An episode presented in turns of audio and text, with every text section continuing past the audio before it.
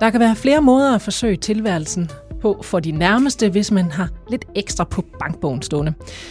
Nogle gange gør man det af lyst til at dele ud af sit overskud til de nærmeste, andre gange er nød, fordi et familiemedlem er havnet i en økonomisk presset situation. Og man kan fx gøre det som lån eller som en økonomisk gave. Og når man så vælger en måde at gøre det på, så er der altså også flere ting, man skal tage stilling til at være opmærksom på, før pengene skifter hænder. For hvor meget er det nu lige, man må give i pengegave, og, og til hvem? Og hvad så med de her skatteregler her? Det taler jeg med en skattespecialist fra Jyske Bank og en advokat i arve- og familieret om. Og så skal jeg lige sige, at der bliver bygget et nyt tv-studie her ved siden af radiostudiet i Jyske Bank, så der kan være lidt baggrundsstøj på lyden i dag. Velkommen til Kejseriet. Jeg hedder Anne Kejser. Og så synes jeg da egentlig, at vi øh, bare skal starte der, hvor man så ofte starter, når det handler om økonomien, nemlig i banken. Så velkommen til dig, Connie Ankersen, skattespecialist i Jysk Bank. Connie, hvem er det, der, der ofte kommer til jer i banken og søger rådgivning øh, og fam- om familielån og, og de her pengegaver og den slags? Det er meget forskelligt, fordi altså, tendensen går i retning af, at der jo faktisk er flere og flere, som rigtig gerne vil gå hen og hjælpe deres familiemedlemmer, deres børn, deres børnebørn, enten ved at give dem en gave her og nu, mens de stadigvæk selv er i live og kan se, hvad pengene bliver brugt til. Det er den ene mulighed. Den anden mulighed er også, at der er flere, der siger, jamen, hvis vi har mulighed for at låne nogle penge og ligesom hjælpe et stykke på vej, så er det også det, vi rigtig gerne vil. Så det går sådan lidt begge veje. Er der, øh, er der mange, der så kan man sige, gør det selv og undlader at blande banken ind i det?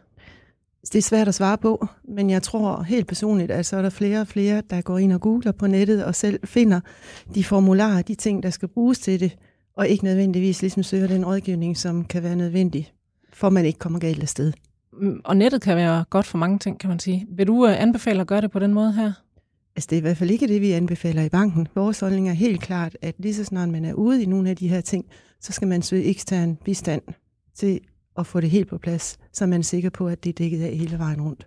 Ja, fordi der er vel ikke rigtig to øh, aftaler, der ligner hinanden, eller to situationer, der som sådan Altså. Nej, fordi jeg tænker jo også, at flere og flere familier er jo stykket sammen på mange forskellige måder. Dine børn, mine børn, det hænger tit sammen med arv også, og derfor så tænker jeg bare, at det er så vigtigt at få nogle eksterne eksperter med på banen, så man får tænkt hele vejen rundt og også får den løsning, man ligesom gerne vil ud med. Men så er det altså sådan, at som bank, så er der jo nogle grænser for, øh, hvor meget I må rådgive, også øh, altså, hvad I kan rådgive om. I må jo ikke direkte rådgive folk til, hvad de sådan skal gøre, eller hvad I synes, de skal gå ind og gøre. Hvorfor må I egentlig ikke det?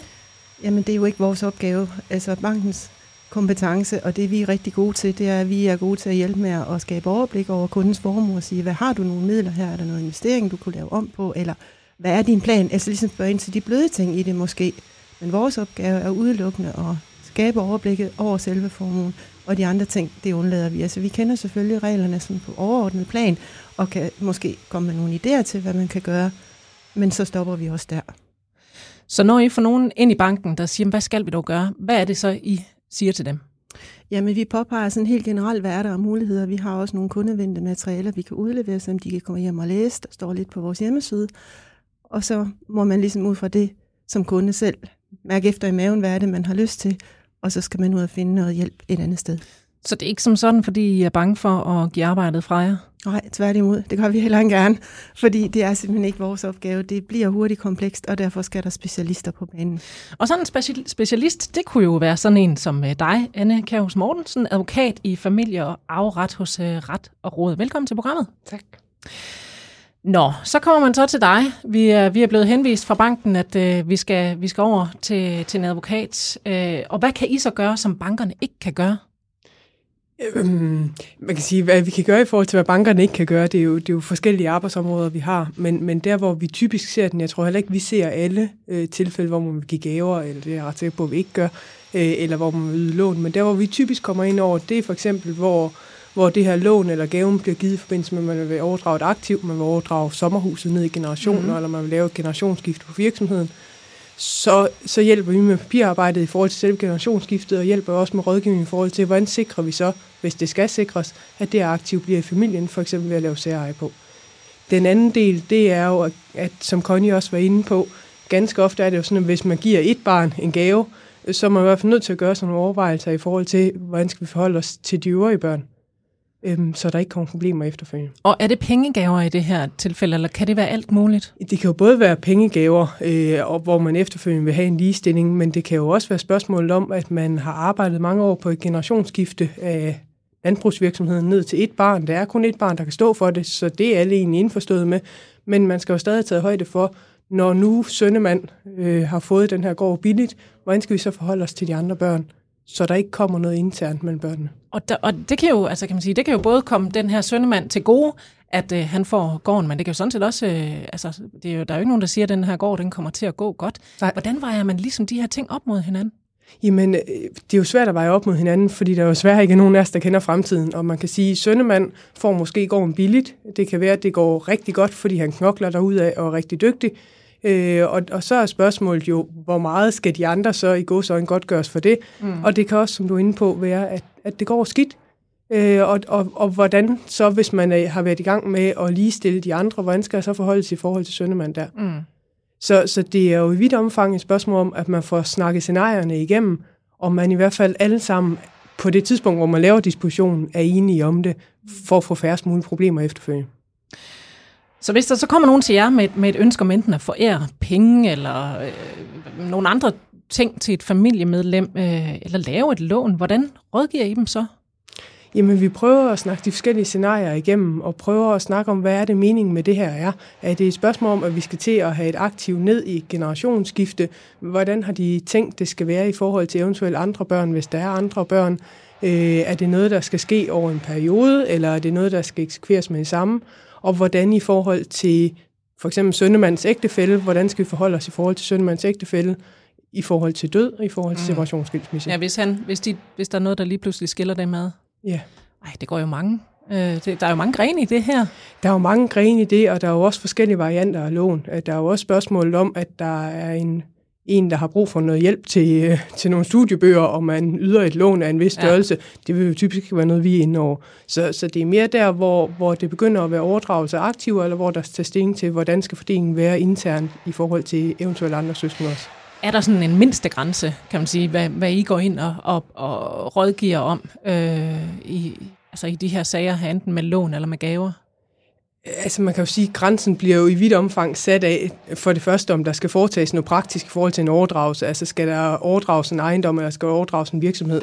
Og, og hvis ikke det er tilfældet, så bliver grænsen jo også i vidt omfang sat af værdien Mm. Fordi hvis det er et spørgsmål om, at man yder et lån på 10.000 kroner til nogle studiebøger, eller giver en gave på 10.000 kroner, så tror jeg, at de færreste, der vil gå til advokat, det er i hvert fald ikke anbefalesværdigt at gå til advokat. Nej. Så, så, så den... det er jo et spørgsmål om, er der et behov for at snakke hele scenariet rundt? Er der et behov for at tage højde for ægtefællesituationen, for søskendesituationen? Og nu sagde Connie altså, der er jo nogle ting, man kan finde på nettet. Ja. I de der små, øh, altså, du ved, lån til nogle studiebøger og sådan noget, kan man godt nøjes med at finde en eller anden formular på nettet, og så tage den, og så er det fint nok. Bestemt. Altså, et gætsbrev er jo et fuldstændig simpelt dokument, som der ligger ganske mange af på nettet.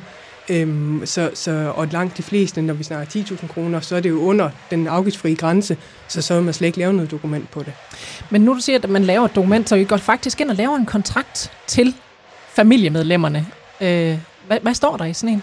Ja, det vi gør, det er jo, for det første, så kan man lave aftaler i forhold til selve overdragelsen. Altså på hvilke vilkår skal virksomheden overdrages, på hvilke vilkår skal ejendommen overdrages, og så skal den aftale jo lyses.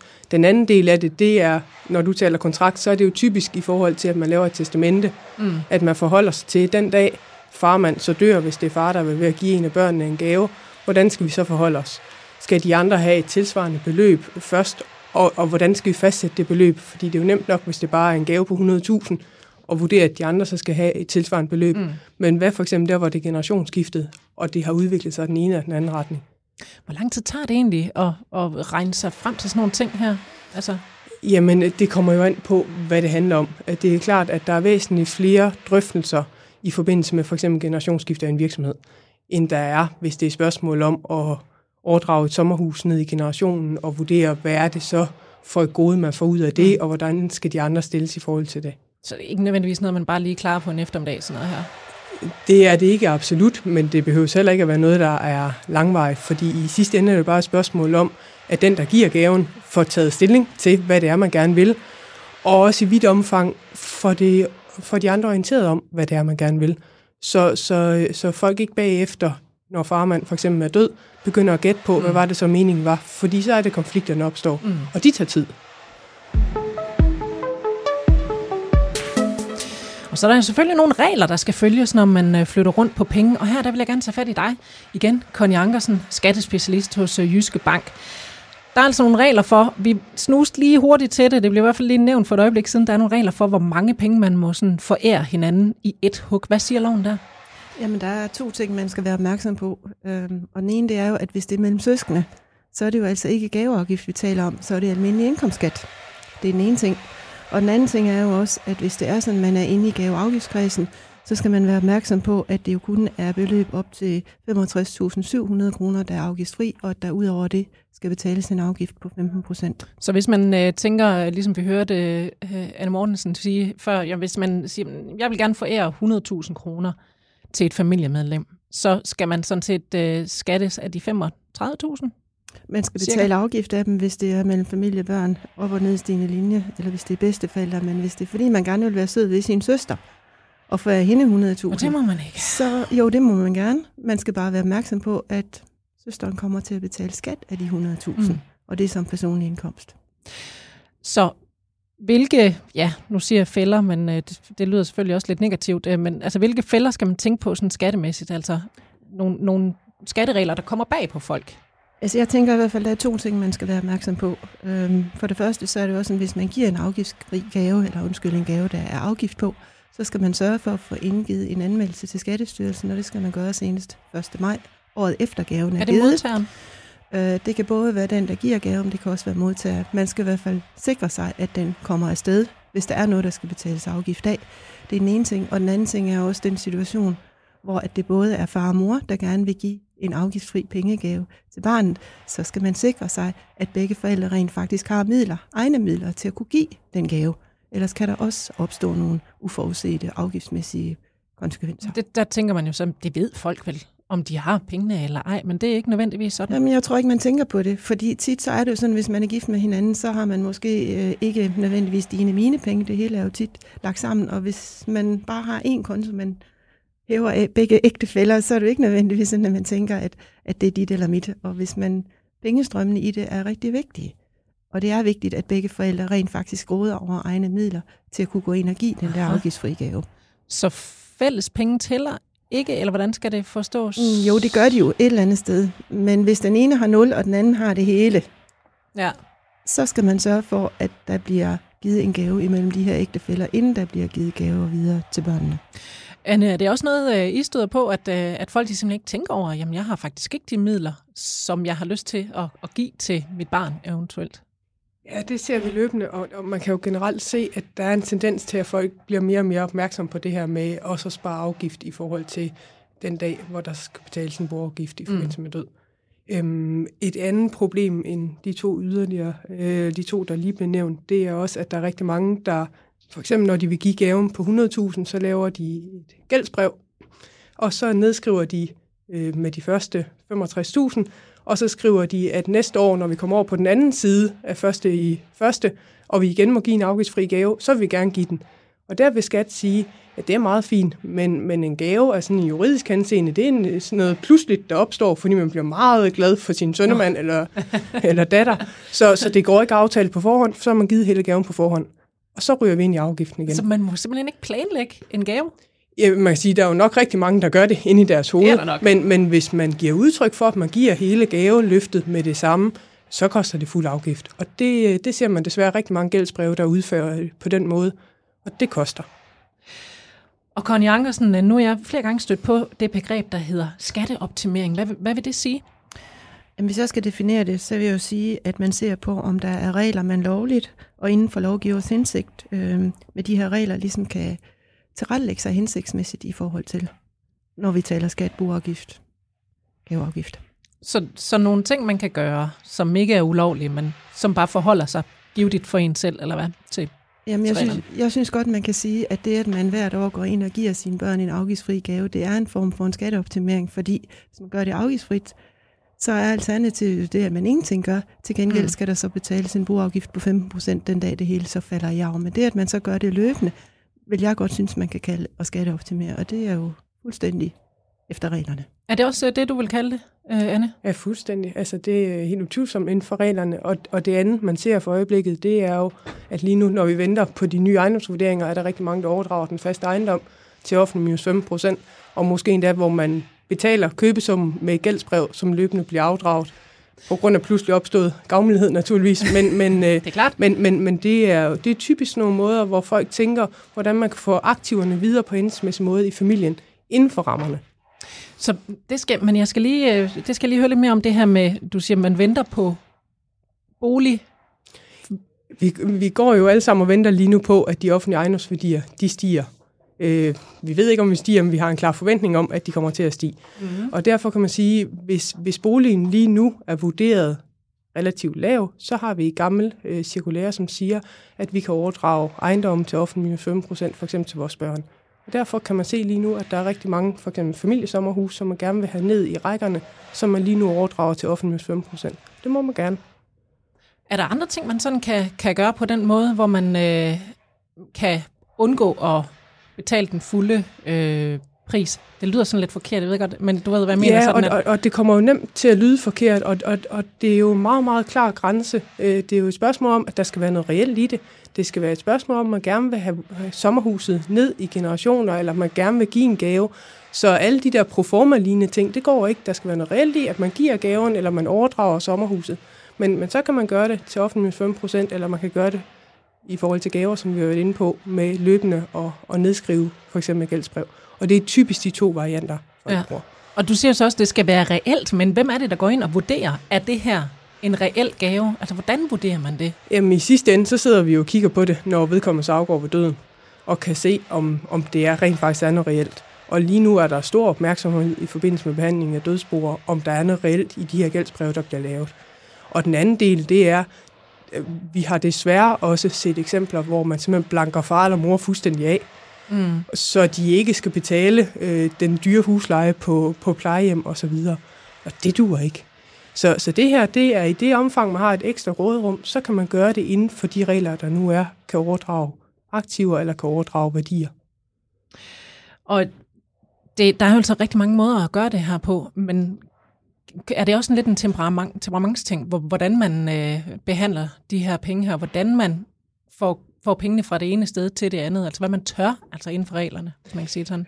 Ja, man kan jo desværre se, at folk er relativt kreative, når det handler om at spare skatter op på det område, afgifter. Mm. Men, men jeg tror, de færreste af os er i tvivl i maven om, hvad der er en OK overdragelse, og hvad der er proforma. Og, og det er skifteret og skat i øvrigt heller ikke Nå, i, det er i de tvivl om. Så, så der skal være noget reelt i det, ellers mm. skal man ikke gøre det. Men hvordan, altså, det er også lidt, det ligesom, hvordan er det, man vurderer, øh, er det her reelt, eller ej? Hvad er det, hvor er det, man kan sige, det her, det er bare ikke reelt, altså? Jamen, det er ikke reelt, når man bare laver papirspenge, og, og der ikke sker en reel overdragelse. Når jeg giver dig, at nu må vi jo ikke gøre det, fordi vi ikke har en relation, men, men når jeg giver mine unger en gave, så, så afgiver jeg jo retten til at råde over de penge. Ja. Når jeg giver den sommerhuset videre, så afgiver jeg min ret til at råde over sommerhuset. Ja. Og der er noget reelt i. Hvorimod, hvis, hvis, vi- hvis det bare er papirspenge, så kan vi godt alle sammen mærke efter i maven, at det, det går nok ikke. Og Conny Angersen, er, er I også opmærksom øh, på det i banken? Altså, er det her reelt, det folk er ved at kaste sig ud i, eller ja, er det lige på grænsen, eller forholder I jer ikke så meget til det? Vi forholder os ikke ret meget til det. Men hvis vi bliver præsenteret for et setup, hvor der er nogle kunder, der kommer og fortæller os, de har til hensigt at gøre sådan og sådan, så er det faktisk sådan, at hvis vi er opmærksom på, og det er vi jo, hvis de siger det til os, at der kan være et skattemæssigt issue i det, så vi, har vi jo faktisk pligt til at gøre dem opmærksom på, at der kan være noget skat i det her, og så skal vi henvise til en ekstern rådgivning, medmindre vi selv vælger at rådgive om det, og det gør vi ikke. Går I også ind og siger sådan, øh, oh, I skal måske lige være opmærksom på, at skattevæsenet og sådan nogle moms, folk, de kan godt måske komme og kigge lidt efter det her. Nej, vi henviser til ekstern rådgivning. Okay. Hvis, Så- hvis, vi har, hvis vi bliver præsenteret for noget, hvor vi tænker, her kan der godt være et skattemæssigt issue i, Ja.